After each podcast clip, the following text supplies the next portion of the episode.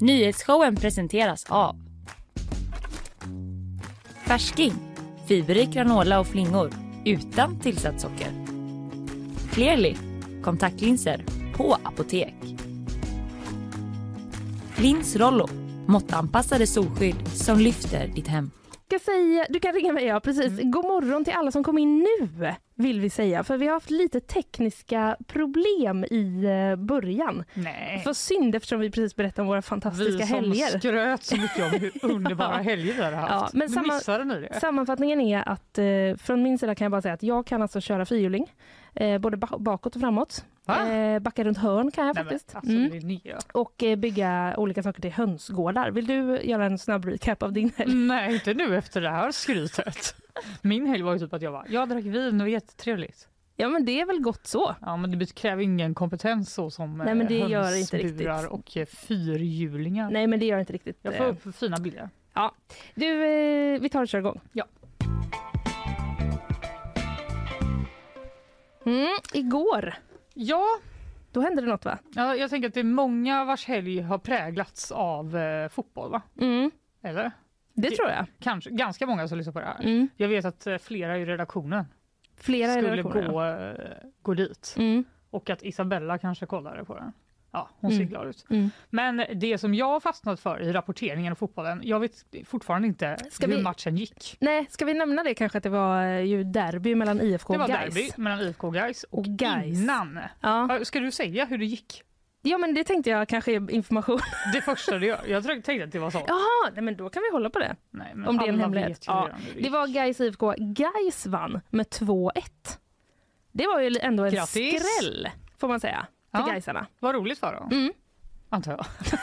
Ja, Det är klart. Ja, ja men om det, särskilt om det var en skräll. Ja. Men det som, var, det som jag fastnade för var snarare det som hände innan matchen. Mm. Nämligen att i lördag så målades eh, minnesstenen på Karlsrofältet. Förlåt, vad är det? Mm. Karlsro? Karlsrofältet? Karlsro? Jag Ja, vet inte skitsamma. vad det det är i alla fall ett fält där IFK Göteborg spelade sin första match någonsin och där finns en minnessten för att eh, symbolisera det. Då Ja. var det någon som hade målat den stenen grön och svart. Och nu ser jag en bild på det och jag vet inte riktigt om jag skulle kalla det för måla. Utan Nej. det ser mer ut som att någon har eh, bara hällt lite färg på den. Ja, det gör det faktiskt. Grön och svart färg. Ja. Men eh, det var ju såklart eh, inte så kul för IFK-fansen va? Nej. Men några timmar senare, då målade någon om Gaisgården i blått och vitt istället. Nej men va? Det är naturligtvis tråkigt, skriver Gais klubbdirektör i ett sms till GP. Ja. Men vad är det? Var inte det lite man- omoget av Jo, dem? jo det, det påminner mig lite om typ så eh, college frat house Ja, i eh, USA. Att man håller på med sådana grejer. Ja, att det är lite så här, nu ska vi psyka dem. Ja. Nej. Exakt. Eller så vill de bara typ bråka lite. Jag vet inte. Det står i artikel på g.se att rivaliteten är djupt rotad mellan IFK Göteborg och Gais och har en lång Det- historia. Det kan man verkligen säga. Ja, det är väl ett, eh, Utan ett överdrift. typ lite mer så journalistiskt sätt att beskriva det på. Ja, jo. här, ja, ja. It goes way back. Ja, precis. Det finns en, vad heter vad, nu tappar jag ordet. Re, Rivalitet. rivalitet. Det är liksom så man beskriver det, men i verkligheten så är det så färg då. Ja, Och eventuellt slagsmål också ju. Ja, exakt. Jag tror att det var väl lite, lite oroligheter där igår som jag förstod det. Ja, precis. Det var ju, eh, vi på GP pratade med en läsare där som hade varit i, eh, vid Brunnsparken vid Gustav Adolfs torg Mm. eh, ungefär. Och eh, där liksom eh, helt plötsligt hade det bara kommit massa poliser springandes som skrek spring! Nej men gud, Ja, skrek poliserna spring? poliserna ska tydligen ha skrikit spring och då fick den här eh, läsaren och eh, hennes eh, vän, liksom, de sprang in på 7-Eleven och deras första tanke berättar ju hon i texten var att liksom det här är ett terrorråd. ja, det blev ju de rädda verkligen förstå. Ja, det var, jag vet inte exakt eh, om vi har kunnat reda ut heller vad som hände runt det, men det ska i alla fall ha varit, eh, det ska ha varit någon man där som blev nedbrottad av en väktare också, berättar eh, den här personen. Alltså vilken mardröm när polisen kommer och tvingar en att motionera. Ja, det Helt kan man verkligen säga. Men man hade ju också trott det om det kom då som hon beskrev så 20 till 30 poliser springandes liksom och skriker att man själv också ska springa. Ja, jag, jag, Du, det var bra att puls. vi var ute i skog och kranskommun det var, ja, det var väldigt, eh, och gömde oss. väldigt bra.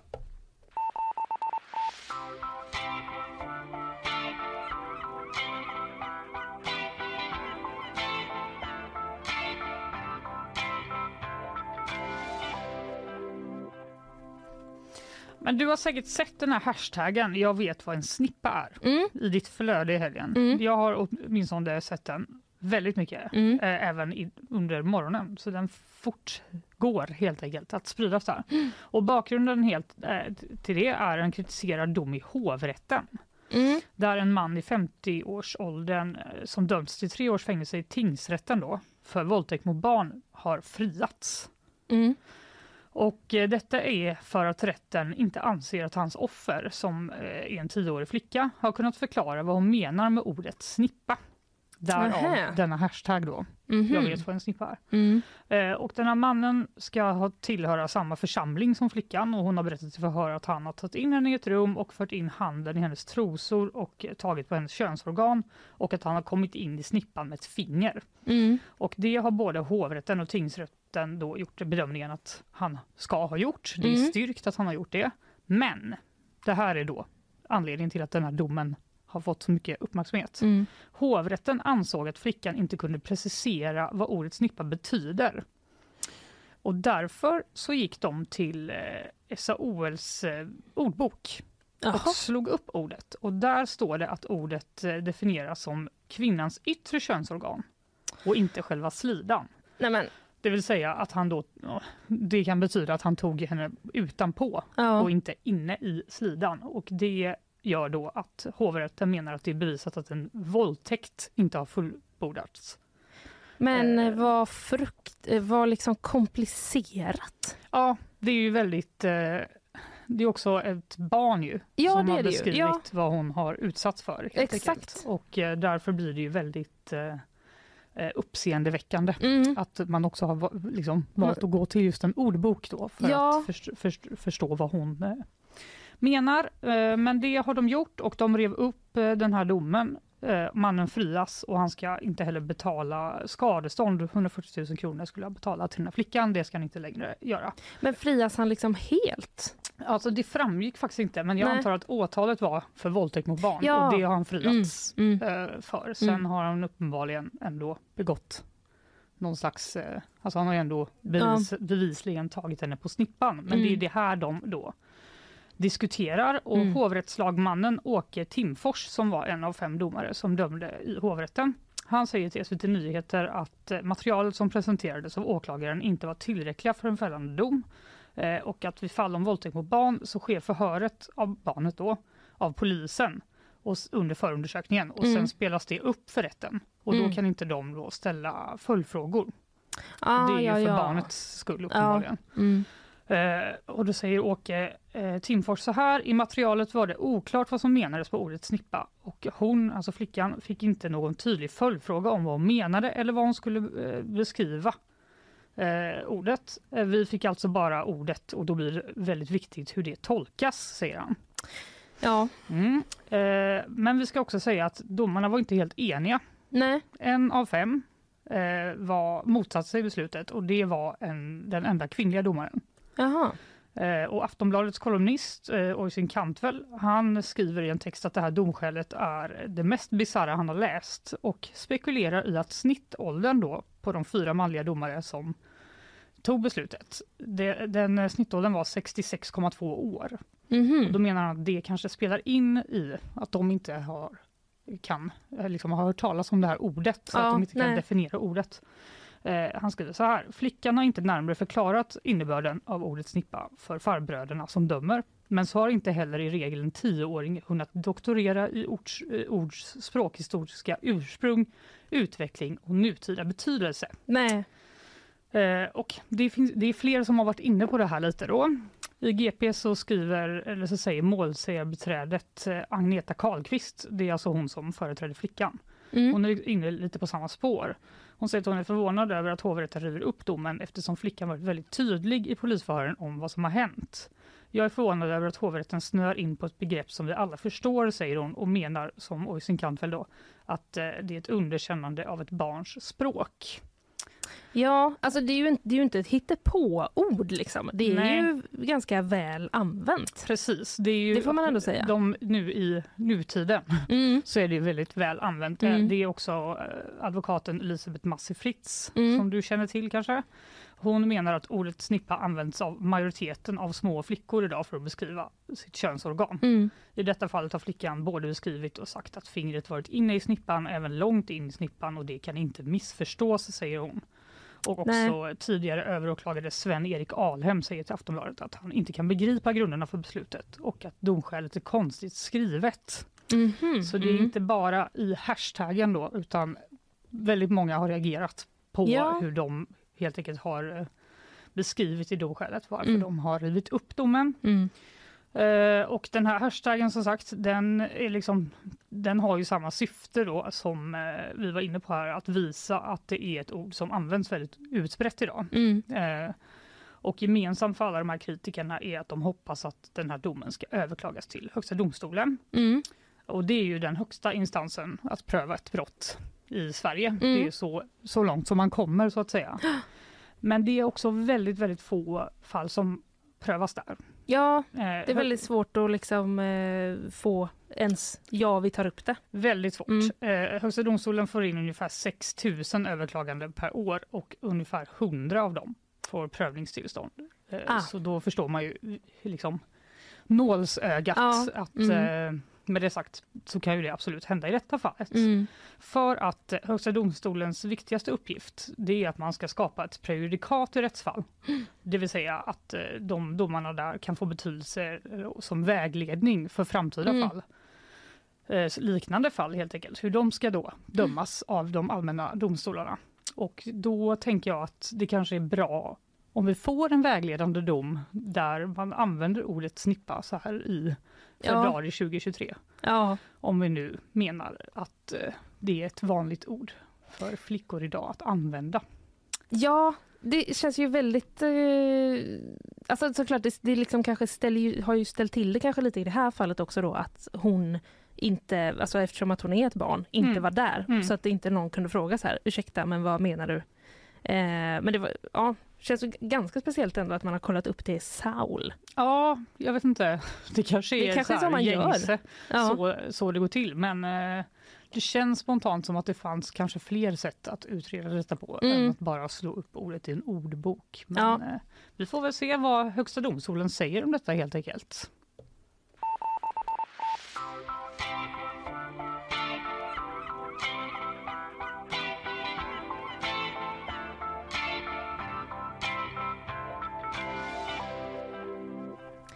Ja, vi tar eh, och går direkt in på några ord från våra sponsorer. Nyhetsshowen presenteras av Färsking, fiberrik granola och flingor utan tillsatt socker. Clearly, kontaktlinser på apotek. Lins Rollo, måttanpassade solskydd som lyfter ditt hem. Ja, en måndagsmorgon har vi. Mm. Och eh, som vanligt så är ju eh, Isabella Persson här. God morgon. God morgon. Jag läser att eh, också Nyhetsmorgon i TV4 har stora tekniska problem.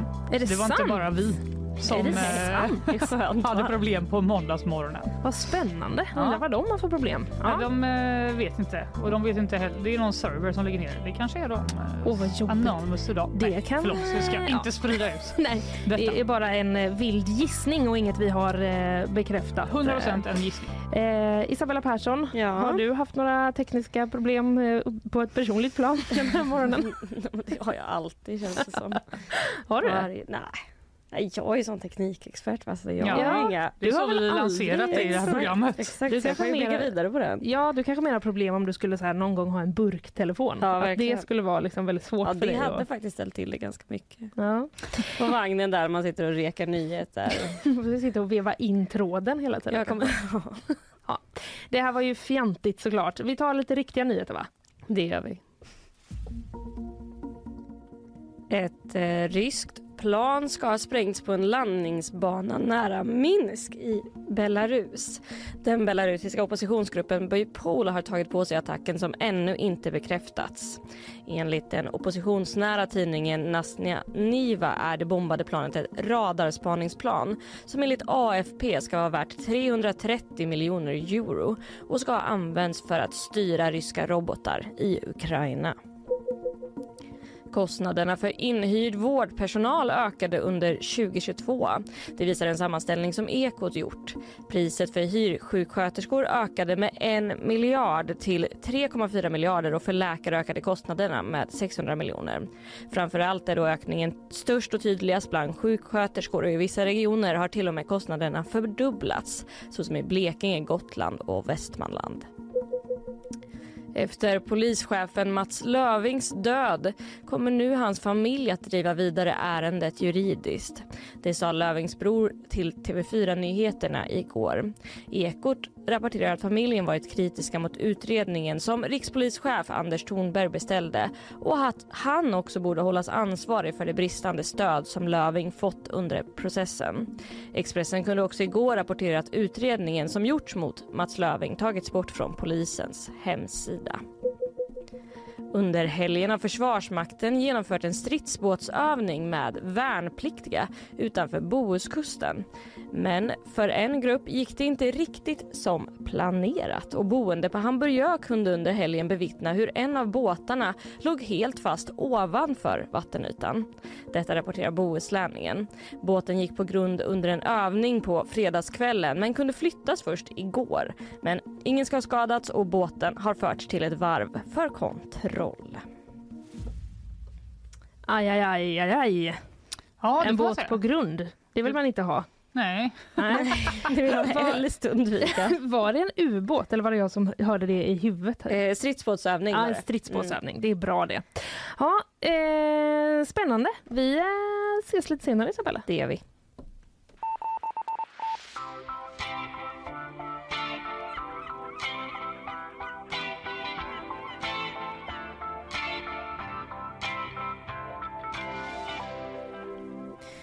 Ja, nu du eh, Fanny.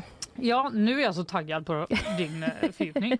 Ja. För att jag har bara sett olika saker Mm. flimra förbi så jag har tänkt vad är det för intressant nyhet som jag borde läsa? Ja, Så har jag inte hunnit göra det bara. ja, men exakt. Det här är, det är ju en, den eh, stora tågurspårningen i Ohio som vi ska prata om nu. Mm. har, det har ju liksom skrivits om den mycket de senaste veckorna. Eller hur? Men eh, nu kändes det som att eh, nu, det, nu tar vi den. Nu var det dags. Ja, nu är det dags faktiskt. Eh, det var då alltså den 3 februari som ett nästan tre kilometer långt godståg spårade ur i East Palestine i Ohio. Wow. Mm, I östra USA är vi alltså och rör oss. Mm. 50 av, de, av tågets vagnar var det som eh, spårade ur. Det var ju ett sånt, alltså det var ett riktigt sånt långt. 50 Ja, spårade ur och Ja, det var inte alla. det var inte alla, det var typ en tredjedel ungefär tror jag. Nej, Jo, okej. ja. Så att eh, ett coolt. riktigt ordentligt stort eh, tåg. Mm. Eh, och flera av eh, de här Men det var vagnarna... inte, förlåt, men det var Mm. inte för, för passagerare? Nej, det var ett godståg. Det var ett godståg? Ja. Ja. Det fanns några eh, personer ombord men ingen ska ha skadats. Mm. Okej. Eh, men flera av de här vagnarna i alla fall som spårade ur innehöll då giftiga kemikalier. Typiskt, kunde det inte varit liksom lite madrasser och kuddar eller någonting?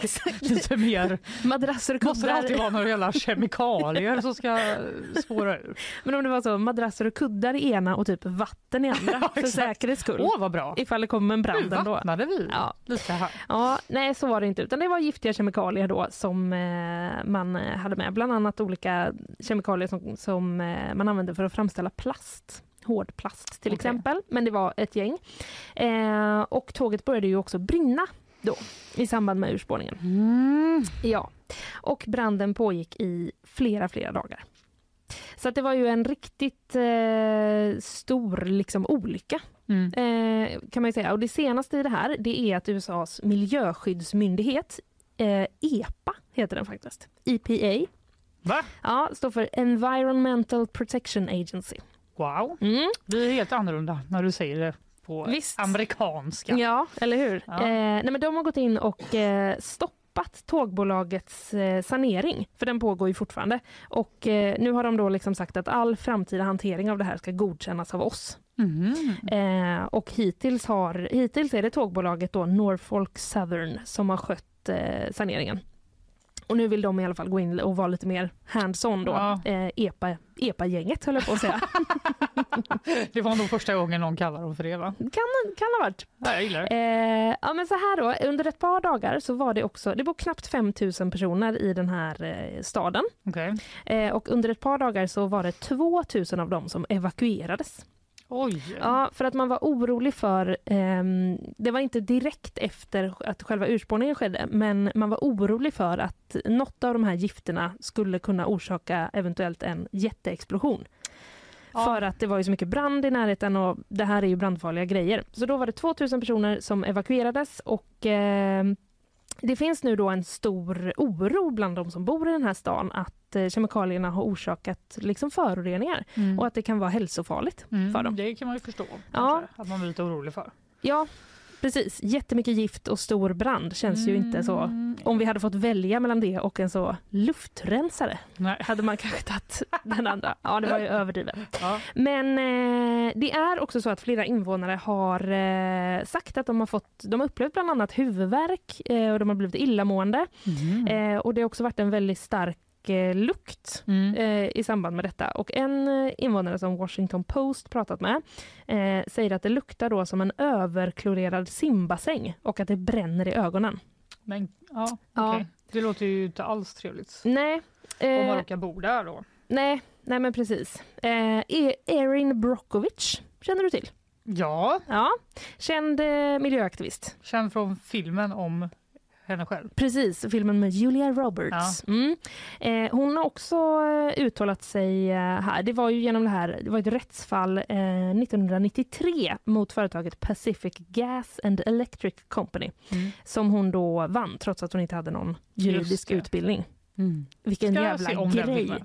Det tänkte jag också. Gud vad mysigt. Ja, men vilken, ja, vilken grej. Mm. Eh, hon har i alla fall uttalat sig om det här. Hon är ju liksom känd i de här eh, sammanhangen och hon eh, tog sig också till East Palestine i fredags och höll ett möte med eh, liksom, eh, boende. Och det I var egen hög person. i egen hög person. Mm. Och hon har nu då lovat att eh, hon ska hjälpa befolkningen att få rättvisa och se till att eh, det här tågbolaget tar sitt ansvar. Mm. Eh, så här säger hon. De kommer säga att ni är trygga men det är skitsnack. Ni kommer få leva med hälsoriskerna i åratal. Nej, Ja. Erin! Ja, hon, målar, hon, målar Vad är inte det för upp, ton? hon målar inte upp en särskilt munter bild. Nej, det får man inte säga. Nej, vi kommer in lite snart på vad, eh, vad myndigheterna har sagt om det här, Ja. om de här riskerna. Eh, men den här, eh, innan vi liksom släpper populärkulturen, Ja. eh, så är det också så att den här olyckan är skrämmande lik eh, handlingen i filmen White Noise. Är det en Aha. film du känner till?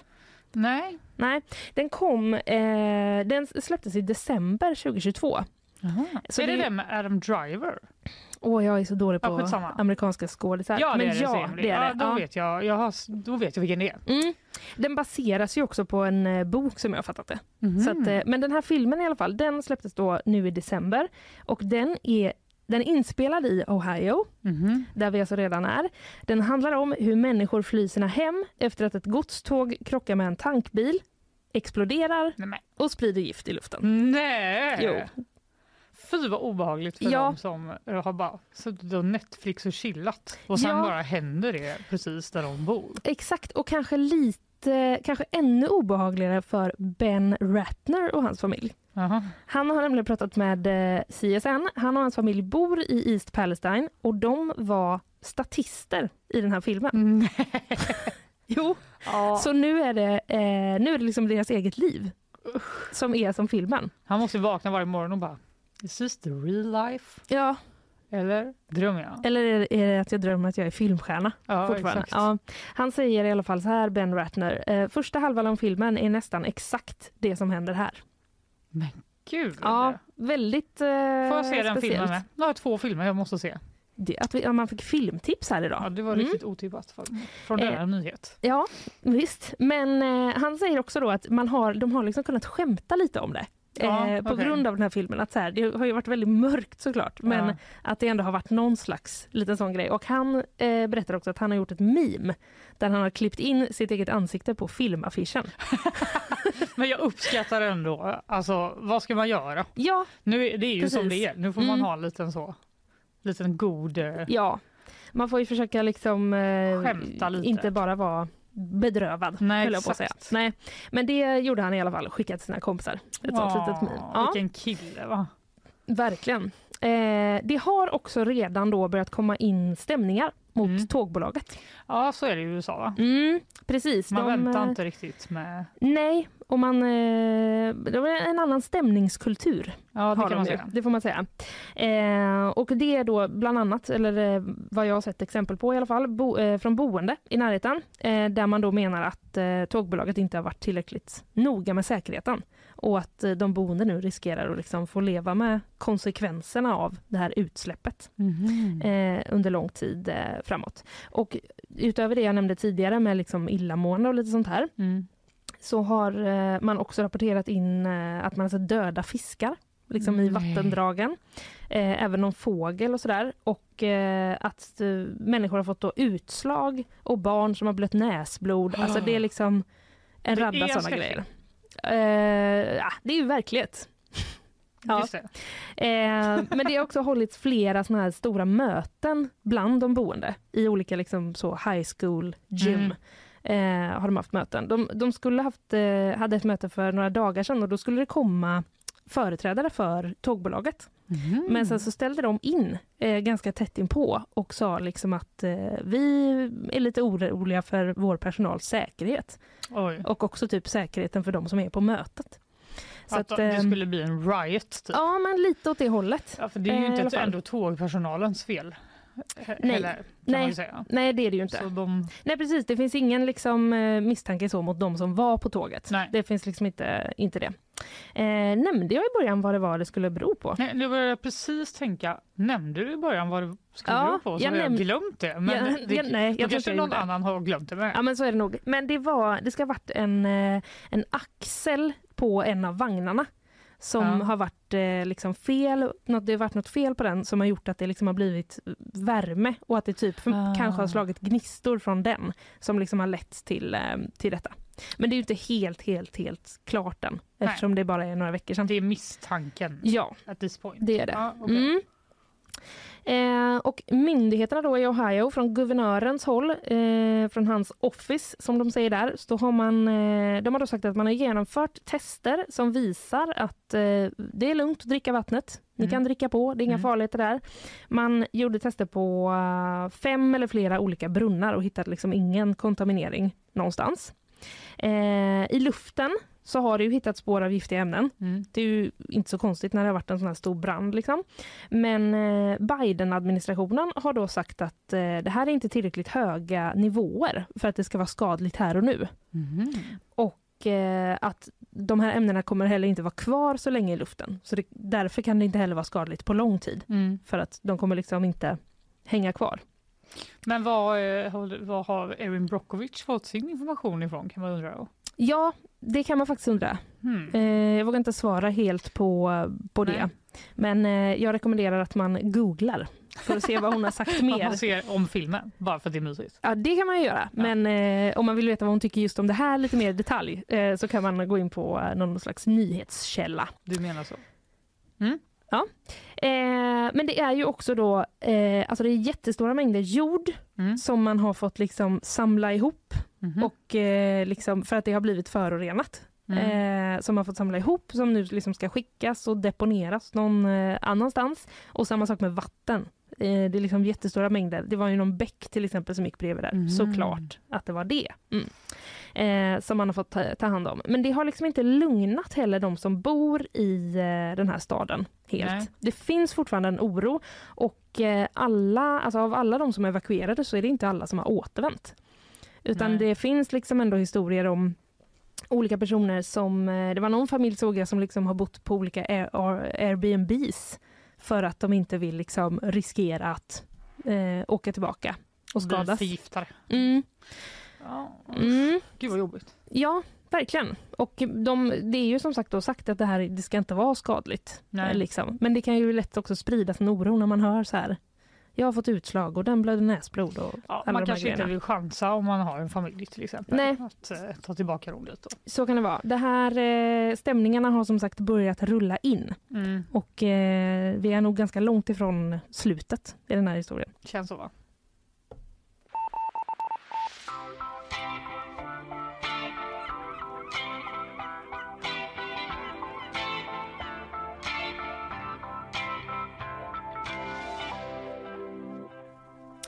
Vi ska alldeles strax eh, släppa in våran eh, gäst. Ja! AI ska det handla om idag. Taggad!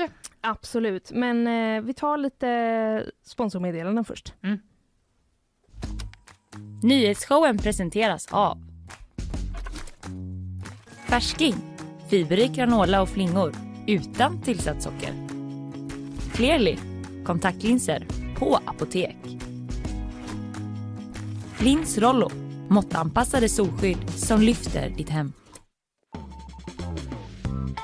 Mm, då ska vi bara öppna dörren Fanny. Den lilla dörren. Ja, släppa in våra gäst och eh, sen är vi alldeles, alldeles strax tillbaka.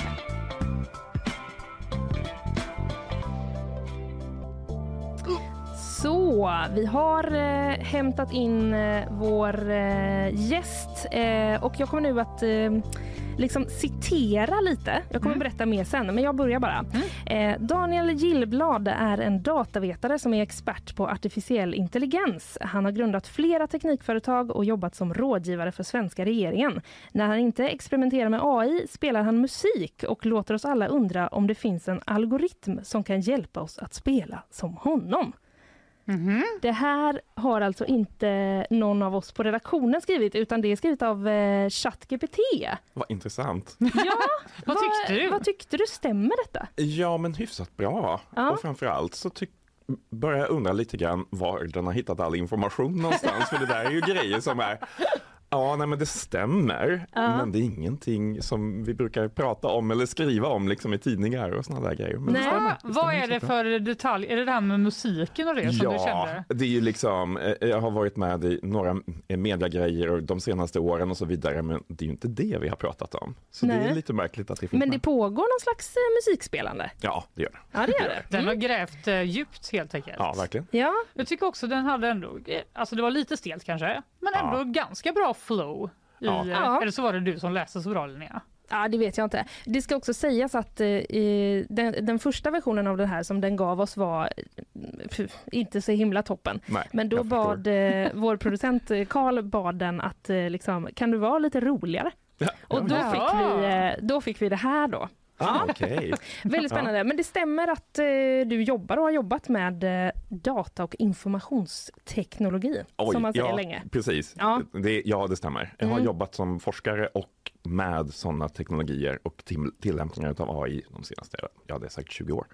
Oh, det känns som det har varit en himla utveckling på de åren, eller? Ja, men det har det. Ja. Men samtidigt så är det också så här att eh, vissa saker kunde vi nästan se någon gång skulle komma. Mm. Men eh, det har ju inte varit så särskilt, vad ska man säga, eh, tillgängligt. Hemskt mycket grejer utav det vi har gjort har varit siffror på en skärm. Mm. Nu börjar det funka den här typen av modeller som kan till exempel generera text och bilder och sånt där på ett sätt som vi människor kan relatera till direkt Mm. och på ett sätt som är, alltså kvaliteten är helt fantastisk nu. Mm. Ja, för nu känns det som att det knappt går en dag utan att man läser en nyhet som har liksom med AI att göra. Ja. Det har ju varit ChatGPT då som skrev den här och sen var det AI-konst och AI-musik. Ja. Och eh, i helgen så kommer det någon slags AI-verktyg som ska kunna hjälpa oss att prata med djur. Det kom i alla fall en Ah, okej. nyhet om att det är Ja. det de håller på med nu. Ja. Varför sker den här AI-boomen just nu?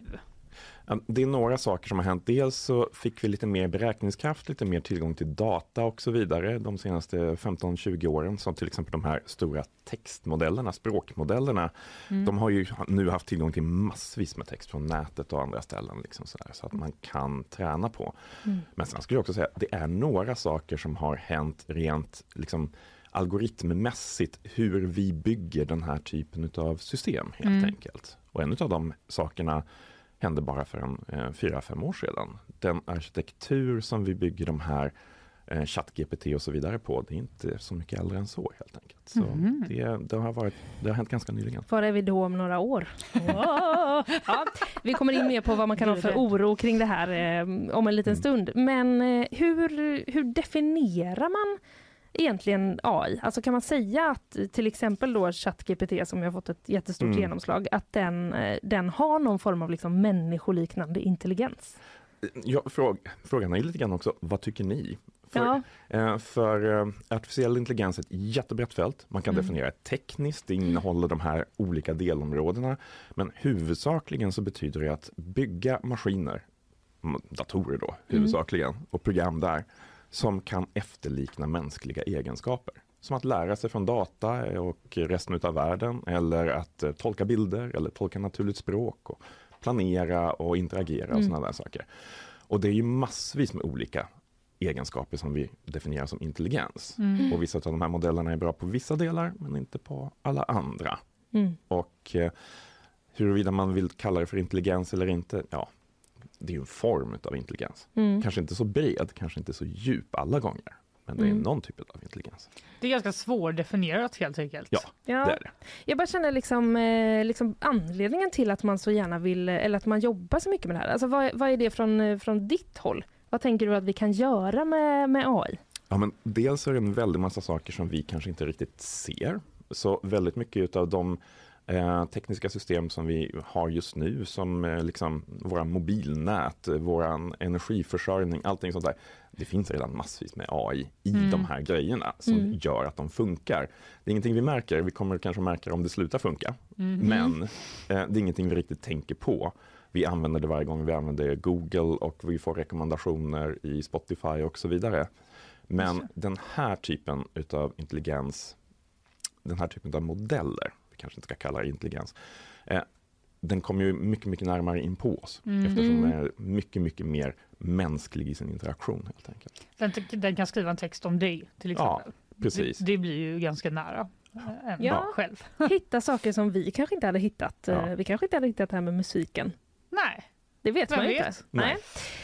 Och, ja. men eh, i somras så påstod en anställd på Google att deras eh, AI hade utvecklat ett medvetande om sin egen existens. Ja. Jag vet inte om eh, lyssnarna kanske minns det, det var en ganska stor nyhet. Google menar att det inte stämde och den här anställda fick också sparken. Men hur otroligt är det här? Skulle det kunna ske?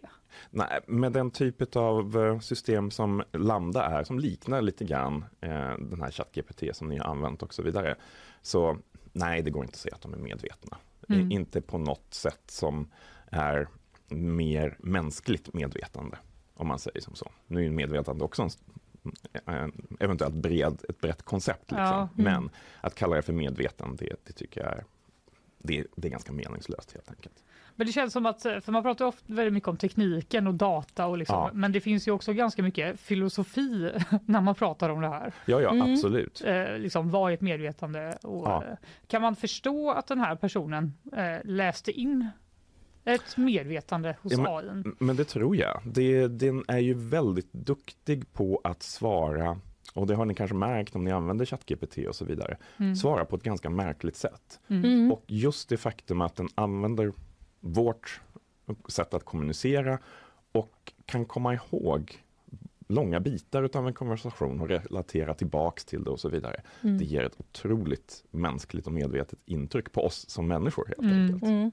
Sen är det inte riktigt en, eh, samma typ av intelligens som vi människor har, som den faktiskt besitter. Om man säger som så. Mm. Det är Mm. Ju ändå ett väldigt eh, populärt eh, ämne att göra filmer och eh, sånt där på. Där Det går det, ju, där går det ju nästan alltid åt skogen. Ja, det gör det ju. Ja. det gör det. Eh, men om du, om du liksom skulle få, ja, det är kanske lite svårt, eh, men jag ställer frågan ändå så får vi Mm. se. Men om du skulle få reda på att det fanns en AI med ett utvecklat medvetande, Ja. skulle du bli eh, rädd då? Eller hur skulle du? Nej, jag skulle kanske mest bli förvånad. Ja. Jag tror inte att jag skulle bli rädd. Mm. Det är, ehm, i, I vissa lägen så kanske man skulle vara mer rädd för ehm, riktigt, riktigt effektiv AI som inte har ett medvetande och som har ganska smal uppfattning utav världen om man säger som så. För då kanske den faktiskt skulle kunna bli eh, om den används på fel sätt, nästan lite farligare. Mm. Men eh, jag skulle bli ganska förvånad och väldigt nyfiken. Men du menar att den inte, alltså för då har den inget eh, samvete eller vad man ska säga? Det skulle man kunna säga på, på något sätt kanske. Ja, nej, men absolut. Nej, Ja. men men, men, en, ett problem är ju med vissa utav eh, systemen som man skulle kunna bygga med modern teknologi är att de blir ganska smala. Mm. Om de, man vill att de ska göra en bedömning till exempel, eh, ska den här personen ha ett lån eller inte? Ska den här, eh, så, så har de en ganska begränsad, ska den här komma, få komma in på en skola eller inte? Mm. Där kanske Mm, finns tydliga regler. Mm. Men som människor kan vi ofta relatera till saker som inte är mätbara just i den text och den data och så vidare som Mm. kommer in just nu. Utan vi kan ta andra hänsyn och så vidare Mm. som är betydligt svårare ifall man har begränsade eh, liksom kommunikationsmöjligheter och den inte har sett jättebreda delar utav världen och kan relatera till den mänskliga erfarenheten på samma sätt som vi kan. Mm. Mm. Jag tänker om man ska liksom tappa in lite i den dystopiska världen som vi ofta ser i populärkultur, eh, om inte annat nu det senaste. Vad skulle kunna hända worst case där en AI liksom går åt det mörka hållet, om du fattar vad jag menar? Något farligt. Något farligt? Ja, det, spontant så tänker jag väl mer då på och nu, nu är det inte någonting som inte har hänt, men Mm. det är klart att AI skulle ju kunna användas mer och mer i krigsföring och så vidare och så vidare. Om vi Mm. rör oss mot ett håll där, där vi eh, går mer och mer mot ett spänt läge i hela världen och så vidare och vi inför mer och mer automation och så vidare. Vad betyder det och vad betyder det för, för människor liksom? Mm. Ganska anonyma krigsförande eh, Mm. system. Så, så det kan jag tycka är lite otrevligt. Finns det någon populärkultur där eh, AI är skildrat som du tycker är riktigt bra? Riktigt, ja, ja, men det finns nog några exempel. Eh, jag, eh, jag, jag gillar ju filmer som till exempel 2001 och så vidare. Ja. Där skildringen är okej bitvis men åtminstone visar på eh, vissa begränsningar och så vidare. Den, den har inte jag färskt. om. Eh, kan du dra en liten recap om vad den handlar om? Det är, där? det är, då är det en artificiell intelligens som, eh, som har hand om det rymdskepp som är på väg till, nu ska vi se, det är Jupiter eller någonting i den stilen. För Ja, att på. Ja. Och, och den har blivit väldigt också fokuserad på själva uppdraget Mm. och helt Mm. plötsligt börja strunta i människorna På skeppet. på Ah, skeppet mm. för att kunna utföra uppdraget och så vidare. Mm. Och det är en typ av problem som man skulle kunna få därför att eh, om vi bygger sådana här system Mm. så framförallt fortfarande så måste vi ibland vara jättetydliga med vad är målet? Mm. Vad betyder att du har gjort ett bra jobb? Just måste vi det. vara extremt tydliga med. Och ibland så kan ju det gå fel. Om det Mm. blir för smalt, om det inte tar hänsyn till allt som Mm. finns där ute. Så, Om man så inte kan det lägger bli- in liksom att ops, de andra som är med här måste också överleva. Precis. Ja. Mm. Mm. Och, och man vet ju inte alltid vad man behöver veta när man definierar sådana här saker. Nej. Så, Nej. så den typen av konsekvenser Mm. kan man vara lite besvärad av. Just det. Ja, Spännande. Ja, vi, eh, på GPs eh, debattsida så kunde Mm. man för ett tag sedan läsa om eh, AI. Jag ska citera lite vad det stod där. Eh, det stod så här. Redan 1951 formulerade datavetenskapens grundare Alan Alan Turing en vision om hur en tillräckligt avancerad AI kan börja förbättra sig själv utan fortsatt mänsklig inblandning Mhm. och hur det kan leda vidare till ett läge där den tar över makten. Vi människor hamnar då i, en, i samma slags prekära situation som gorillor befinner sig i idag och mänsklighetens öde kommer att hänga på vad maskinerna har för mål och drivkrafter. Mm. Det här skrev då Olle Häggström, Mhm. eh, professor i matematisk statistik vid eh, Chalmers. Och det Mhm. här har ju fått lite mothugg från eh, andra forskare sedan debattartikeln publicerades. Men eh, alltså, vad tror du? Finns det risk att vi blir de nya gorillorna? Jag tror att det är en ganska lång bit dit Mm. i praktiken. Eh, eh, man ska aldrig säga aldrig och man ska definitivt planera för ehm, vissa risker som även om de inte är sannolika kanske får eh, väldigt, väldigt, väldigt stora konsekvenser. Mm. Men jag tycker inte att det vi ser just nu med den här typen av modeller som till exempel ChatGPT och så vidare är riktigt på den vägen. Det behöver hända några saker till Mm. för att det Lite fler de här scenarierna, ja, Mm. de här scenarierna på riktigt ska kunna. Däremot så finns det ju andra eh, utmaningar. För det första så ska jag säga att det är fantastiskt kul med de här verktygen och de Mm. kommer att leda till en eh, revolution i den typen av arbete som vi gör. Liksom. Kreativt arbete, skapande arbete och så vidare. Mm. Men Hur det är klart då? att Hur, Kommer vi få sparken? Ja, exakt. Men alltså, jag tror inte det, därför att det, väldigt mycket av det blir också, eh, om ni har tittat på till exempel det här, de här grejerna som genererar bilder och text och så vidare. Mm. De har ju sett väldigt mycket text och bilder Mm. och de kan gärna generera text i någon stil eller bilder i en viss typ av stil. Men det blir ofta nästan lite grann pastischaktigt förstår ni, därför att den Mm. gör vad den har sett i någon mening. Ja, just det. Eh, och det behövs ofta någon typ av guidning Mm. utav en människa för att den ska hamna rätt i det vi faktiskt behöver vid ett visst till, tillfälle. Så jag skulle nog tycka att det är mycket mer utav ett hjälpmedel Mm. Mm. än en ersättning om man säger som så. Mm. så Skönt för oss. Ja, nej, men det krävs någon, någonting mänskligt för att eh, skapa något helt unikt eller något helt eh, som aldrig har funnits innan. Eh, Ja, man kan säkert tänka sig att de här modellerna skulle kunna få fram någonting, men de, de kräver ju någon interaktion Mm. externt. Liksom. Mm. Någon måste be dem om någonting för att de ska kunna generera någonting. helt enkelt. Mm. Så det, mm. Men kan man tänka sig att vi behöver kontrollera AI-utvecklingen mer? För att det inte ska bli fel. Ja, på vissa sätt ja. Eh, Nu, nu tycker jag att vissa av de här eh, förslagen till lagstiftning och så vidare från EU eh, hamnar kanske lite fel. Mm. Då man försöker säga att eh, i vissa lägen att nej, men AI är en så viktig teknik att vi måste reglera den och man får inte använda AI för att till exempel eh, identifiera människor på avstånd och sådana där saker. Men det är ju en av de första gångerna vi har försökt reglera en teknik då, vad jag känner till i alla fall, och Mm. istället för tillämpningen. För Mm. spelar det någon roll om det är det vi kallar för AI som känner igen dig på håll eller något annat system? Det är tillämpningen som faktiskt spelar roll. Mm. Eh, däremot så tror jag ju väldigt mycket på att, och det är, då är det ganska bra att vi faktiskt bara använder den här typen av modeller Mm. för att testa och testa och testa Mm. På ett ansvarsfullt sätt. Det kommer att bli superviktigt. Men vad, jag är lite nyfiken vad ni håller på med på Chalmers. Ja, Ja, Vad gör ni om dagarna? Vad har ni på gång? det är inte Ja. så att ni försöker ta över världen, eller? nej, och, och, och det blir ju så, det är, det är ju så väldigt stor skillnad, framför allt nu när den här typen av modeller som ger fantastiska resultat. Eh, det är ganska stor skillnad på det dagliga arbetet om man säger som så, som kan vara ganska teoretiskt eller Mm. kanske ibland lite mer filosofiskt och ganska frustrerande när man försöker få en dator att multiplicera matriser på rätt sätt och sådana där saker Mm. i, och köra på stora system. Eh, det är ganska stor glapp mellan det arbetet och det som faktiskt kommer ut ur Mm. eh, modellerna idag, Mm. om man säger som så. Men på ett universitet som Chalmers så är det ganska mycket utav eh, grundforskningen liksom, som ligger till grund för den här typen av saker som sker.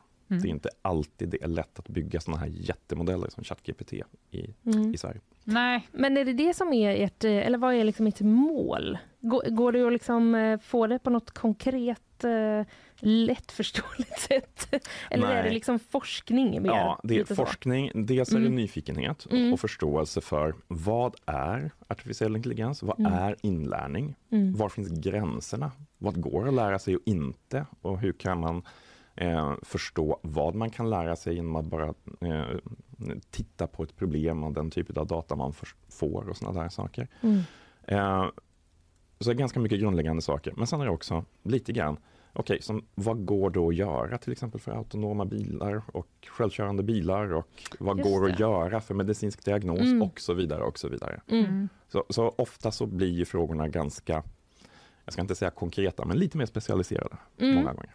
Men hur arbetslösa kommer vi bli på grund av AI då? Inte oss vi personligen, men mänskligheten. Ehm, jag tror ju inte att, för ehm, nu har vi ju sett automatisering till exempel i industrin, fysisk, mycket fysiskt arbete och sådana saker. Ehm, det är inte så att vi i Sverige inte har någonting att göra. Det känns ofta som att vi jobbar mer än, än eh, någonsin. Mm. Ehm, jag tror kanske inte att det här leder till att vi blir helt eh, arbetslösa heller, men det kommer att förändra vad vi jobbar med och hur Mm. vi jobbar Mm. på arbetsmarknaden. Eh, tiden rinner ifrån oss lite men det finns en fråga till som jag vill eh, Mm. ta med för eh, vår producents eh, skull, för Karls skull. Mm. eh, som eventuellt som verkar ligga ibland lite sömnlös i alla fall. Eh, han har ju sett då Terminator 2 Ja, cirka 100 gånger Ja. och eh, där är ju då den stora fienden eh, egentligen då en AI som har blivit medveten och bestämmer sig för att utplåna mänskligheten. ja. Eh, liksom, behöver han ligga sömnlös och oroa sig över det här eller vad, vad är utsikterna? In, inte just över Skynet kanske. Det, han, Mm. det använder jag som exempel för jag inte ville diskutera AI och så vidare. För vad gör du på dagarna? Ja, då sa jag att ja, har du sett Terminator 2? Ja. vi bygger Skynet. och då fick man aldrig några fler frågor. Utan det var liksom... men, men, nej, men, men Skynet är väl typiskt den typ av system då som vi inte kanske borde bygga. En Mm. typ av intelligens som vi har gett kontrollen, den faktiska kontrollen till att i slutändan avfyra kärnvapen, styra militär och så vidare. och så Mm. vidare. Och det kanske vi ska låta bli att göra på det sättet helt enkelt. Vi Så kan- lite sömnlös. Nej, alltså, jag tror inte att någon är så dum så att de skulle gå in och bygga ett sånt, ett sånt system. Så, Nej, eh, så orolig är jag inte. Låt, vet, du vad, om du inte är det, då, kommer, då kanske inte Nej, heller nej behöver vara det. precis, så är det ju. Man ska ju titta på eh, vad heter det? Flygvärdinnan innan man får panik. Exakt. Och är så. de lugna så är vi också lugna. Det är du som är flygvärdinnan. Ja, tack. Ja, precis, i den här liknelsen. Eh, härligt! Daniel, du, eh, tusen tack för att du eh, kom hit Ja. och gav Tack. oss eh, svar. Vad ska du göra resten av dagen? Oj, nu är det ju sportlov i Stockholm så nu hinner jag kanske sitta ner och forska och faktiskt jobba lite med Åh. den här typen av modeller på riktigt. Kul! Okej, ja, spännande. Vi, tar, eh, vi ska släppa ut Daniel och vi tar eh, och lyssnar lite på våra eh, sponsorer. Nyhetsshowen presenteras av Färsking, fiberrik granola och flingor utan tillsatt socker. Clearly, kontaktlinser på apotek. Lins Rollo, måttanpassade solskydd som lyfter ditt hem. Oj, oj, oj. Man kan prata eh, AI ganska länge. Ja, men jag hoppas att eh, vi kan kanske få Daniel tillbaka någon gång. Mm. Det känns som att, som sagt, nyheter om AI är det inte brist på. Nej, Så vi får väl eh, se om eh, vi har, eh, kan återkomma. ja, Nu blir det precis. så förvirrad stämning där ute. Det Ja. är som att nyhetssveparen går iväg. Ja, Men nu kommer hon tillbaka. precis. Vi såg henne Alltså- liksom utanför studion så kände man bara, vad, Nu kommer hon in igen. Hon, nu har hon gått, eh, hon har löpt amok som en AI och bara... Ah! Isabella kommit på att en AI kanske kan läsa hennes Va, svep. ja, varför ska jag nyhetssvepa? Det vill vi inte Isabella. Nej. På det va? Nej, vi behöver the human touch Ja. of dig. Det Av din, behöver din vi. närvaro. Var det det du pratade med Daniel om? Ifall han kan lösa en eh, Snabb fråga, va? nyhetssveps eh, AI Kan du göra mig? det här? Vad snabbt, hur fort går det att bygga? Han hade ju tid nu under sportlovet. Ja, precis. Han hade ju det.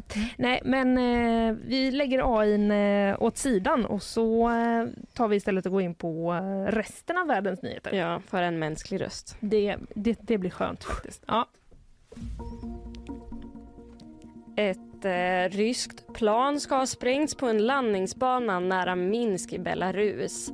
Det är den belarusiska oppositionsgruppen Bipol som tagit på sig attacken men den har ännu inte bekräftats. Enligt den oppositionsnära tidningen Nasjaniva är det bombade planet en rada, ett radarspaningsplan som enligt AFP ska vara värt 330 miljoner euro och ska ha använts för att styra ryska robotar i Ukraina.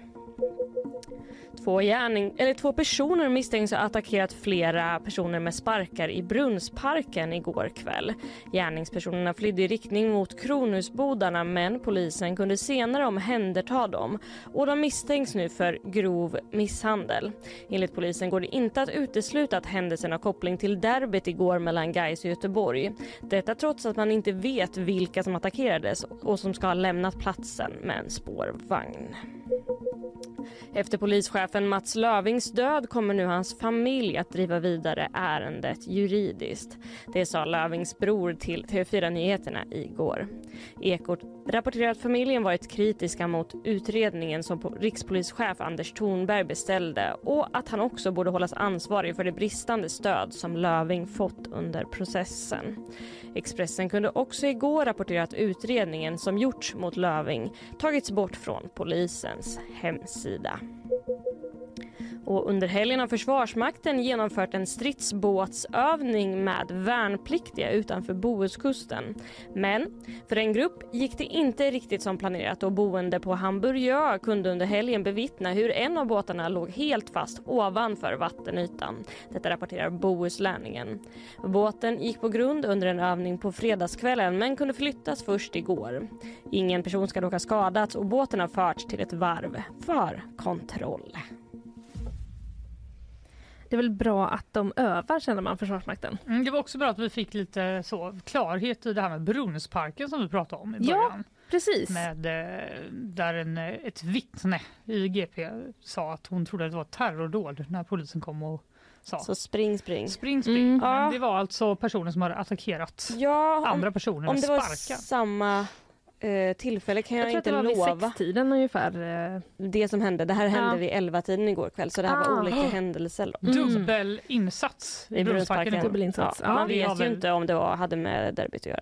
Nej. supportrar som drabbades samman. Men man misstänker det, eller kan inte utesluta det i alla fall. Man misstänker det. Där har de något att Bra. bita i, mm. utredarna. Ja, mm. eh, och vi har fått bli eh, uppdaterade och eh, innan du går Isabella så vill jag bara att vi alla ska liksom bara vända oss om titta på himlen och ja. solen. Det är så Det är så töntigt, jag vet att det är det. Nej, men det jag, blir, jag blir så glad varje gång.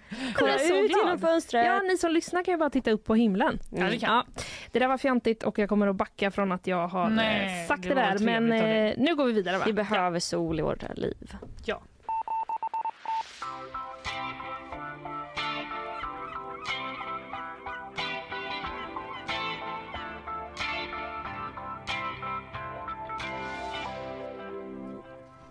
En anrik gata mm. har försvunnit. Ja, vad är detta för gata? Ja, det ska jag berätta för dig. Ja. Jag läser på g.se att en kvinna med det underbara namnet Gunilla Enhörning har, hade för vana att promenera in mot stan via Getebergs led söder om Liseberg. Getebergs led är det som har försvunnit? Så är det Linnea. Herregud, och vilket efternamn? Vilket efternamn? Det var många saker där. Blir man inte på gott humör? Jo, Linnea Enhörning. Jag undrar om man Skulle får... du kunna gifta in dig i den släkten på något sätt?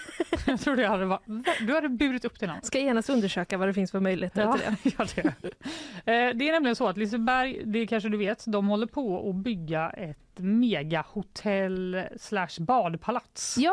bortåt dina krokar, mm, Mölndal. Precis, på det som eh, var en stor parkering innan. Precis, och då var deras plan va? att besökarna skulle kunna ta sig mellan det här hotellet och nöjesparken utan att behöva korsa en trafikerad gata. Mm -hmm. Det ska liksom vara ett sammanhängande mm. område. Det kan man ju fatta, det är ju mycket barn. Ja, det är ju en del barn som mm. ska valsa Springa omkring. Eh, och eh, därför så eh, ja, var en av de här första åtgärderna när de började bygga det här eh, badplatset typ 2019 mm. att helt enkelt utradera Getebergsled. Det är alltså en kort och väldigt anrik gata som under flera hundra år utgjorde den södra gränsen för Göteborg läser jag på g.se. Mm. Var, är det den gatan då som gick liksom precis, alltså precis efter Liseberg, innan ja. parkeringen? Ja, alltså jag försökte googla mm. eh, innan eh, för att eh, jag ville helt enkelt inte säga fel om eh, ifall det var mot Mölndal eller inte, men det Nej. är mot Mölndal. Ja. Och det verkar vara den som går över vattnet. Ja. Mellan, liksom, om du ska gå från vår del av stan över liksom, mot E6 mot Örgryte mm. så gick den lilla gatan där. Ja, ja, ja. Men inte längre då. Nej. Eh, detta kom som en chock för den pensionerade arkitekten Gunilla Enhörning. Eh, hon kan väldigt mycket om stadens gamla bebyggelse och brukar alltså gå där. Eh, på Götebergs led. På Götebergs led. Mm. Och vi ska lyssna på ett klipp från mm. g.se där Gunilla förklarar vad som hände när hon upptäckte detta. Och jag kom ifrån Kalanderska och skulle gå ner vanliga vägen och tvärs över vid Lisebergs södra entré och då var det ett stort staket, det var helt förstängt. Det är mycket längre och tråkigare väg över Lisebergs stora parkering eller över stökiga Korsvägen. Ja, jag blir ledsen. Väldigt ledsen. Man kunde ha byggt så att gatan fick vara kvar. Och det gör mig väldigt förvånad att en gata bara kan sugas upp i ingenting på det sättet. Ja, Mm. det kan man ju förstå. Ja, Tänk att det är hennes vanliga promenadväg. Helt plötsligt ja bara... det var, låter ju på henne som att det är en ganska speciell gata också. Ja, och jag ska berätta varför. Mm.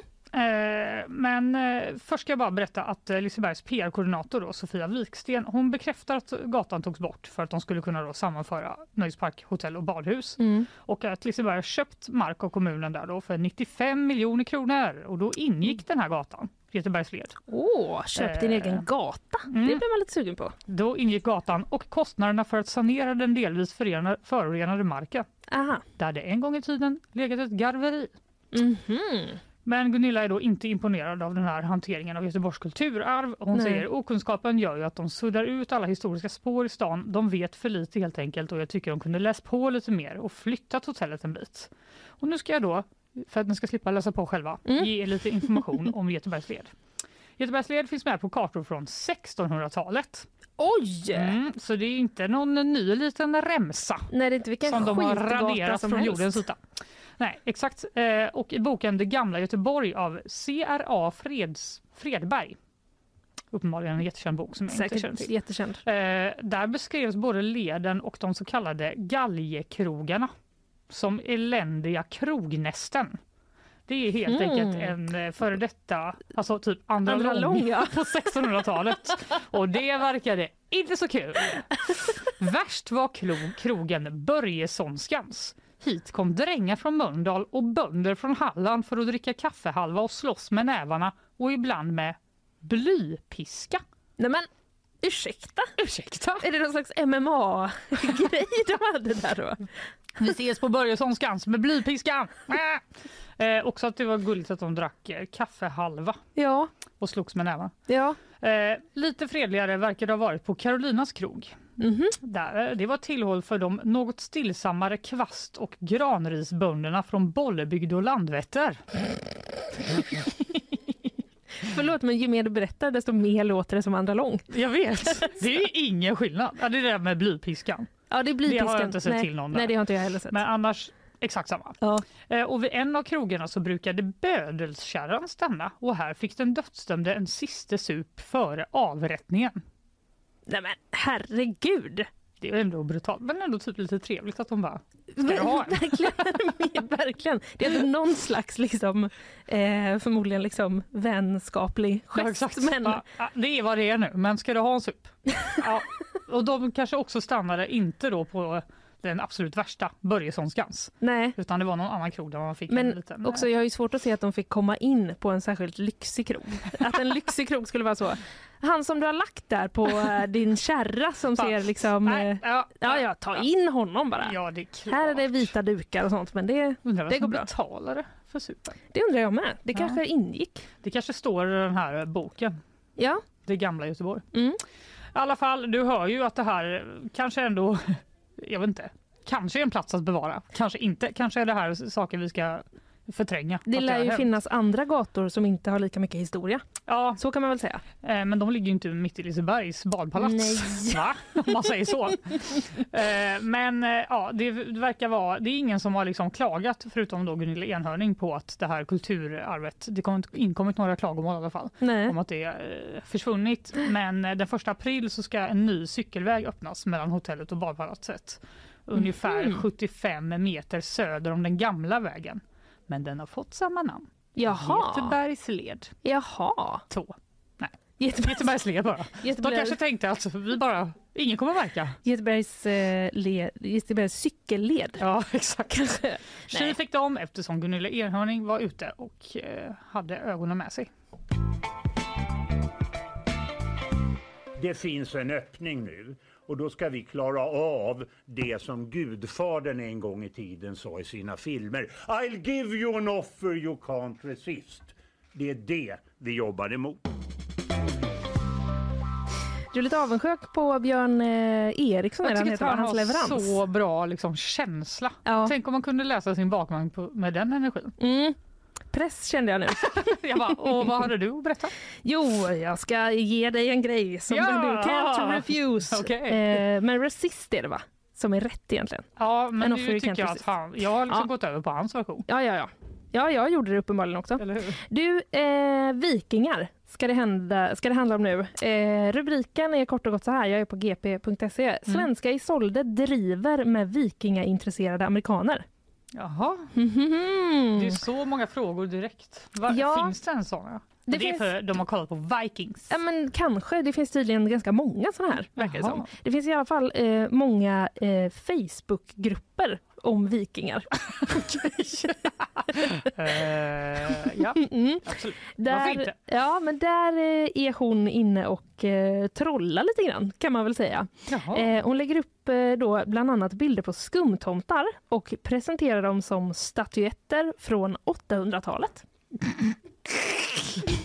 Hur då? Nej, men jag känner bara den som går på det här Ja, då är man behöver ju ju allvarligt fundera över sin mentala hälsa. eller så, är det, en... eller så är det liksom, jag vet inte. Men hon jag, måste ju tagit ett jättelurigt foto av då på något sätt. Ja, något eh, det måste kan ju inte vara. rosa, vit.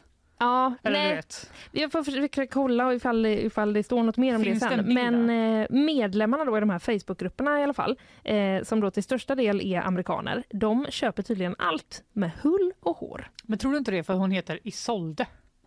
Ja, Som en äkta vikingadrottning? Det kanske ligger något i det. Mm. Men hon säger också så här, är du vit och pratar ett skandinaviskt språk så kan du nog få dem att gå på exakt vad som helst. Ska vi testa det sen då? Det känner jag genast att vi ska testa. Ja, eh, men det finns i alla fall då eh, mycket, många sådana här grupper och det är vissa då, eh, mycket amerikaner och vissa säger sig då ha släktingar som för många generationer sedan eh, utvandrade. Eh, och ehm, eh, den här typen av, ja det är också någon slags, eh, med jämna, nu läser jag bara, med Mm. jämna mellanrum görs inlägg i grupperna som länkar vidare till folkbook.us. Ett alternativ till Facebook som bara tillåter engelskspråkiga medlemmar med vit europeisk härkomst. Läser jag nu. Eh, ursäkta. Jaha, okej. Fan. Ja, eh, Folkbook.se. det verkar som att då, det gänget är, är väldigt intresserade av runor. Alltså... Ja, nej, jag vet inte vad jag ska säga. Mm. Good for them. Ja, vi får se. De kan fan hålla sig på folkbook tycker jag. Ja, precis. Diskutera detta. Vi skapar en ny sociala medier som bara handlar om olika runor. Ja. Ja, men eh, Isolde då, hennes inlägg är återkommande här och eh, hon, eh, bland annat är det då den här med skumtomten. Hon har också påstått att den svenska texten till vignettmusiken eh, till Disney-dagsklassikern Räddningspatrullen. Mm. Har du den eh, Räddningspatrullen? Här kommer Piff och Puff, Ja. är på gång, ni, ni, ni, ni. Ja, Hur den. kan man göra den i vikingatolkning? Nej, men det har hon inte gjort utan hon har bara tagit den svenska texten och eh, eh, sagt att då det här är en känd vikingadikt. Med Piff och Puff med. Piff och Puff, tror jag. Isolde, vilken otrolig människa. Jo, Så titta. kreativ. Ja, det är den här. Här kommer Piff och Puff varje gång nu. Här kommer världens bästa räddningspatrull. Det har de liksom satt inom eh, citattecken. Då. Och Mm. typ gjort en sån eh, runskriftsfont. bara, Nej, jag tror att det är Cur- Courier New faktiskt. Men, eh. Mm.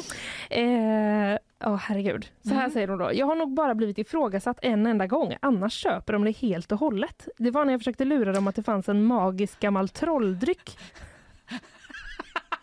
Nu kommer det ett ord här som jag inte var beredd på.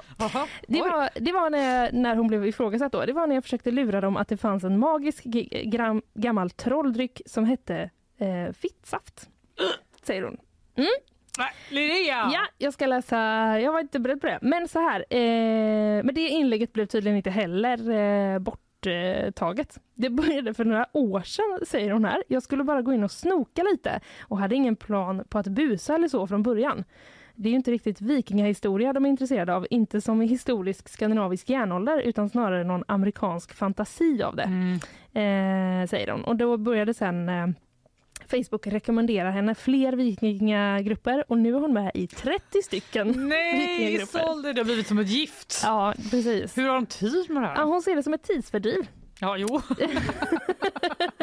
Alltså, absolut. Jag ser det som en framtida karriär. Ja, exakt.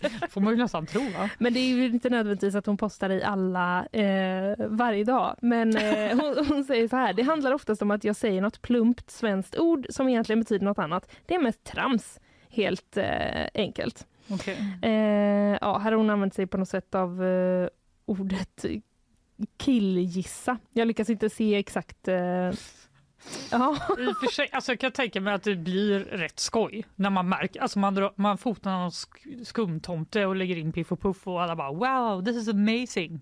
Ja. Berätta mer om vikingarna. Ja, ja, ja. Jag kan förstå att man blir helt hooked. Ja, verkligen. Men eh, det här, du, jag blev lite inspirerad. Ska vi gå med i de här grupperna? Finns det en lista?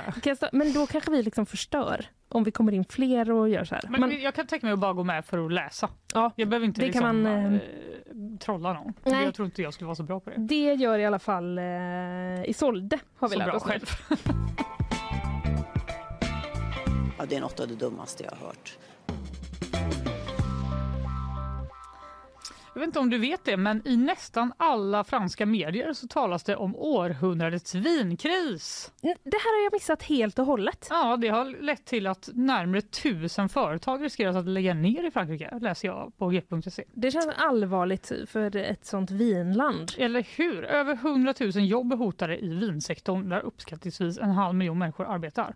Och det är främst röda bordeauxviner som drabbas. Eh, försäljningen pekar neråt med 35 procent jämfört med 2016. Är det för att vi liksom, eh, är det inflationen eller? Det verkar vara liten eh, liksom perfect storm av olika saker. Mm -hmm. Det har till exempel under pandemin så mm. har de inte kunnat exportera så mycket till till exempel Kina slutade köpa viner helt. Aha. Men det verkar också vara att eh, ungdomarna i Frankrike, de dricker inte vin. De dricker inte vin? Nej. De eh, dricker någon alkoläsk kanske? Ja, det framgår faktiskt inte vad de dricker istället. Nej. Men de, tycker, de tycker det är lite lame. Mm. Eh, vi har, verkar ha varit och hälsat på då. Reporter Johan Tolgert har varit och hälsat på en vinbonde. Mm -hmm. eh, där han har meddelat vinbonden att på Systembolaget säljer man oförändrat omkring 10 miljoner liter franskt rödvin per år. Det värmer gott i hjärtat att man hos er uppskattar en ädel dryck, säger vinbo, vinbonden Stefan Gebard i eh, Bordeauxregionen. Eh, till GPs reporter. Mm. Stefan lyckas nämligen inte få sålt uppemot 20 procent av eh, rödvinet han har producerat och på grund av ja, den här minskade efterfrågan då så är de här ståltankarna med vin eh, från tidigare år som fortfarande är osålt. Mm. De är liksom fulla med det. Nej men nej! Jo. Det är för mycket vin. Ja, de har för mycket vin. Främst verkar det vara billigare viner som inte säljs. Eh, och nu ska mm -hmm. jordbruksdepartementet eh, ge 160 miljoner euro, typ 1,7 miljarder kronor, i subventioner för att destillera vinet så det kan användas som industriell alkohol i till exempel läkemedel och kosmetika. Men gud vad sjukt! Hur hemskt? Det känns ju helt... Det känns ju helt hemskt. Det känns ju jättekonstigt. Ja. Hur kan det vara liksom att, nej men herregud, någon som ändå har jobbat med liksom så smaktoner, bli, bli, Eller hur? Bli, och sen bara, nej, vi gör väl handsprit av det då. Ja exakt, bara det, det vill väl folk, det kanske är det ungdomar dricker. Tvål, gjord på vin, går den omvägen. Nej, men han, alltså, Stefan säger här uh, att tillverka vin är frukten av mitt arbete. Att behöva se det brännas upp för att bli då mm. industriell uh, ja, mm. alkohol. Uh, känns tråkigt och vissa nätter ligger jag sömnlös. Men eh, här är då, då en, det spekuleras i varför franska ungdomarna då inte vill dricka rött vin längre. Mm. För, för de kopplas vin oftast till en äldre generation och det medför en gammalmodig image, säger Stefan Gebard. Uh, och det mm. är helt enkelt en helt vanlig ungdomsrevolt. Alltså det är väl helt sant. Det var inte som att vin var det första, i alla fall eh, jag och mina kompisar började dricka. Nej och jag tänker också att i Frankrike är det lite mer liberalt, vet att de är så här, ska du inte ha, mm. ska du inte ha ett glas mm. till middag? Mm. Alltså där hittar jag bara på, jag kan ju inte veta det, men det är min bild av min fördom om Frankrike. Ja. Att de inte är så noga va? Nej men, det är min fördom också. Ja, som i Sverige. Ja. Men eh, ja, misströsta ej. Nej. Vinorganisationen Vin IPG de France mm. har utarbetat en handlingsplan för att få unga att dricka lite mer vin. Jaha! De ska... Vad ska de säga så? Rödvin. Ni blir trötta och får ont i huvudet. Välkommen. Va? Då ska vi dricka mer vin? Ja, jag vet. Men jag menar, hur ska de sälja in det? ja, men jag ska berätta det nu. Ja, förlåt. De har gjort en handlingsplan. Ja, Och det Förlåt, är att de ska allvar framställa viner med mindre alkoholhalt, runt 6% och sälja dem på burk. Mhm.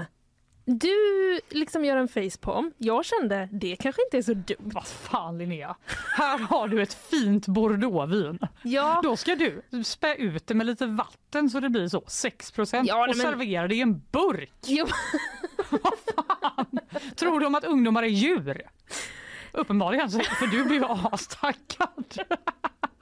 nej, men jag bara kände... Vilken trevlig liten burk! Du, eh, ja. Eh, Nej, men jag bara känner att eh, det ena behöver inte utesluta det andra. Nej. Jag tror inte att det är så här om man vill få ungdomar att dricka mer vin. Vilket Mm. känns som att ingen vill förutom de här Förutom eh, personerna. Verkligen konstigt. Så kan man ju då förutom att liksom blanda det med cola till exempel och vara det enda man har. Ja men det gjorde man ju. Du, Ja, det är ett Vet du vad, det får stå för dig Jo, som okej, du men brukar det var, säga. ju- det var ett klassiskt knep i alla fall i mina kretsar om man bara Ja, strunt samma. Eh, jag, tror att det kan vara, jag tror att det kan eh, lyckas. Ja, vi får hopp, alltså på ett sätt hoppas jag det. Hellre det Mm. än att de behöver liksom bränna upp det. De Ja. säger också, liten eh, instick, att de ska då bränna ner nu tusentals hektar vinodlingar i Bordeaux-trakten. För att om man bara liksom överger det så kommer en massa ohyra dit Nej men och vad tar deppigt. över. Så det är ganska, det är ju liksom en allvarlig kris. Så Ja. om, eh, om eh, liksom, det är burkvin 6% som krävs, då är jag all for. Då är det over.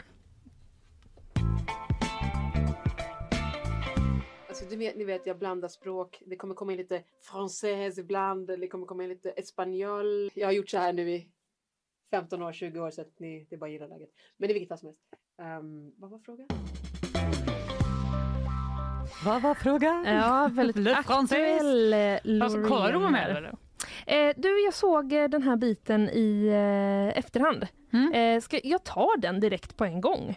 Det är Ja, väl, du har en liten eh, nyhet. Ja, jag har en liten nyhet. Ja, det var ju passande. Eh, och eh, det är väl inte sämre än att vi använder den. Det som hände var ju då att eh, mitt under hennes framträdande så eh, sprang det upp en man på Mm. scen Mm, och liksom eh, ställde sig så att han försökte bli sedd i kamerorna. mm. Kan du gissa vad det var det stod på den lilla skylten han hade med sig? Nej, alltså jag såg en bild på det men man såg ju verkligen ingenting. Nej, man såg absolut Det var ingenting. en misslyckad kupp på det sättet. Ja, det var det. Samtidigt, vi Ja. pratar ju om det nu. Ja, så något gjorde han. Exakt, det var ju då eh, den eh, numera ganska vanligt förekommande frasen återställ våtmarker. Jaså? Mm, det var det det stod. Hela vägen i Mello Hela har vägen- våtmarkerna tagit sig. Ja, hela vägen in i eh, Mello och eh, nu läser jag på gp.se då att det är den 27-åriga David Alser Mm. som eh, stormade Mello-scenen under direktsänd eh, tv. Han Mm. misstänks nu för olaga intrång. Tydligen har man inlett en förundersökning. Mhm. Eh, Jimmy Modin som är presstalesperson på polisen, han säger så här. Mannen har uppsåtligen beträtt en scen som var tydligt avspärrad. Det är väl det som är motiveringen till varför man utreder det som ett brott. Då. Ja, jo. Men det som Men händer, Man får uppenbarligen inte storma scen på Mello. det är inte okej att springa upp där. Nej, Nej. det kan man ju förstå. Eh, men det som hände då var att eh, de fick liksom, Loreen fick ju avbryta sin låt.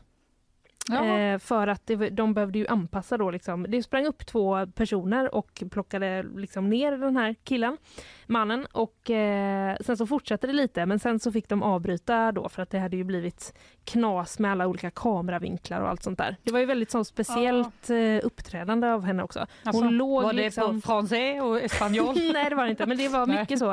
Eh, vad var frågan? ja, Eh, exakt. var det. Han bara, hallå? Bara, vänta lite. eh, nej. nej men det var... eh, Men det var ett dansnummer. Ja, alltså det var så här. Det var typ två, det var som två stora plattor som hon liksom låg på en och en Ja. annan typ så svävade ovanför henne. Så det, Aha. jag fick lite klaustrofobi-ångest typ. Och så var det mycket så här typ klämmas. att hon höll liksom upp på den och sen så Ah. snurrade hon och så åkte de upp och så åkte de ner. Alltså lite så. Ja, jag läste att hon bara hade ätit kyckling och broccoli. Va? För att komma i form antar jag. Oj, det låter deppigt. Men det låter Ja, jag så vet. deppigt. Vilket liv. Ja, ja. Jag skulle klara fem minuter. Sen skulle jag En, bara, må- en gång, det här går en inte. måltid. Ja, eh, okej. Ja, Ja, förlåt, det var verkligen en helt ovidkommande detalj som inte hade något av det här att göra. nej, men, Men okej, Han tog sig upp, han ville Han dra upp. en lans för våtmarkerna. Han ville dra en lans eh, för våtmarkerna. Han eh, säger också i... eh, Det finns också, det är flera medier som har skrivit om det här. Mm. Och eh, i Omni skriver då till exempel att han eh, säger till Expressen att det var synd att budskapet inte syntes. Ja, Ja. Och det var det ju, för det var väl det som var poängen med eh, i hela hans uppspringning. Men eh, så var det i alla fall. Mhm. Eh, ja, Ja, men eh, nu säger de väl att Loreen, hon är favorittippad ändå. Hon ja kommer liksom inte, hon kommer inte bli drabbad. nej det tror jag inte. Hon, eh, liksom, eh, hon gick ju också direkt till final. Ja, Eh, ändå efter att hon fick liksom starta om så. Ja. Eh, så att det verkar ju inte ha varit, det verkar inte ha påverkat henne kanske så mycket. skönt. Är det Frölunda eller? Ja, Ja, nya loggan. Vad tycker du? den är skitsliten.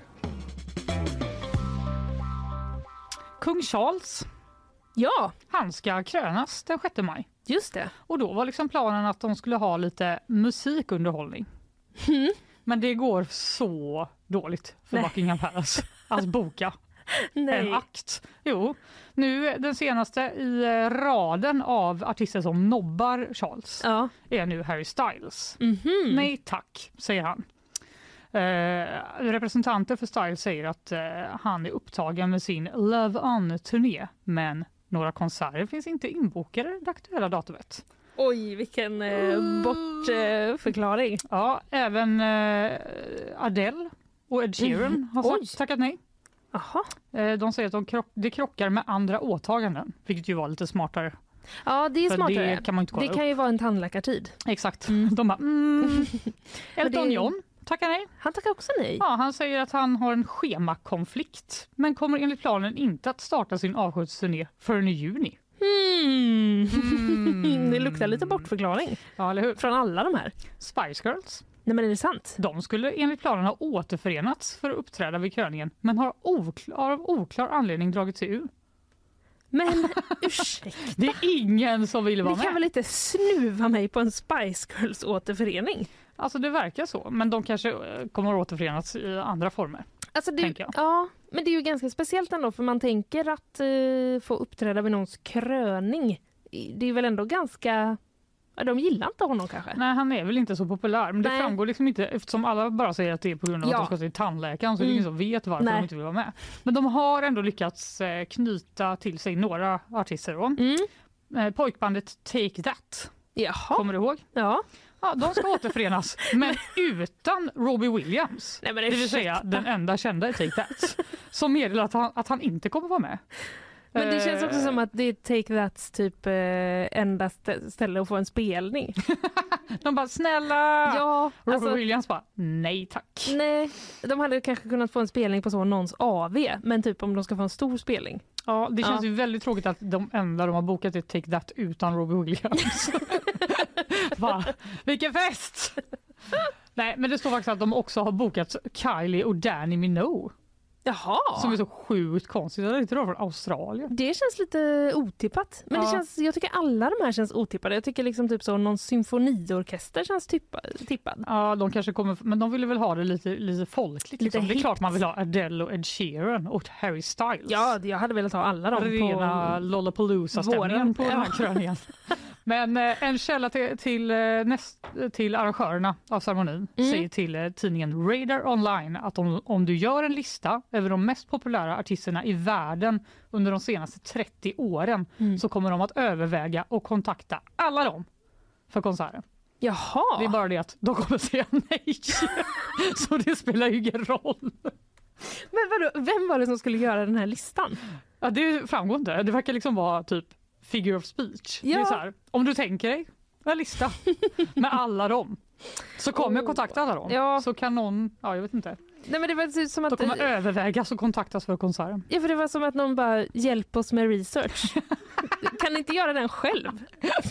Men de har ju uppenbarligen försökt att göra den med tanke på hur många, som, alltså, hur många riktiga stjärnor som har Ja. tackat nej här. Jag skulle vilja föreslå bara att man kan googla sån här information. Ja, typ Billboard topp 100 Exakt, ja. beta. Fråga chatt eh, GPT. Ja, det tycker jag man kan. Ja. Eh, vilken måndag va? Nu har vi liksom startat igång veckan. Det var det. Ja, imorgon är ju du och jag tillbaka igen. Jajamän. I vanlig ordning. Ni behöver inte vara oroliga. Nej, det behöver ni inte kommer vara. tillbaka. Ja, det gör vi. Eh, vad har du pratat om idag? Jag har pratat om eh, en kritiserad eh, dom i hovrätten och Just det. eh, hashtaggen jag vet vad en snippa är. Mm. Som ni kan lyssna på precis i början om ni missade det. Mm. Precis. Eh, jag pratade lite om den här urspårningen i eh, Ohio i USA. Det var en tågurspårning. 50 vagnar, flera hade giftiga kemikalier. Det Mm. började brinna. Det är liksom en eh, jättestor olycka som skedde för några veckor sedan ska vi säga, men som fortfarande liksom ligger och pyr. ja. Men i alla fall är aktuell i nyhetsmedier i eh, USA. Det finns mycket där. Erin Brockovich, eh, koppling till en film som har släppts nyligen. Ja, Mm. Populärkulturella referenser så det bara skriker om det höll jag på att säga. Mm. Sen hade vi också eh, Daniel Gillblad eh, tror jag. Jo Ja. precis att han heter. Eh, vi pratade om AI. Ja, det gjorde vi sannoliken. Vi Ja. ställde de dummaste frågorna vi kunde komma på. Det gjorde några helt okej. svar. Ja, men det var väldigt eh, det var intressant att få liksom, riktiga svar på så. Finns det medvetande i en AI? Ja, Hur rädd ska man vara? ganska rädd. Ja. Fast inte så rädd. Men lite rädd. Vad sägs om att man lyssnar på ifall man eh, missade Ja, det? man får göra sin egen tolkning Ja, av det han sa. precis. Och sen var vi ju, sen är vi ju här där vi är. I bakvagnen. Eh, vi går väl och laddar om inför eh, tisdag va? Ja, det gör vi verkligen. Ja, glad eh, måndag hörni. Glad måndag! Hej då! Hej då!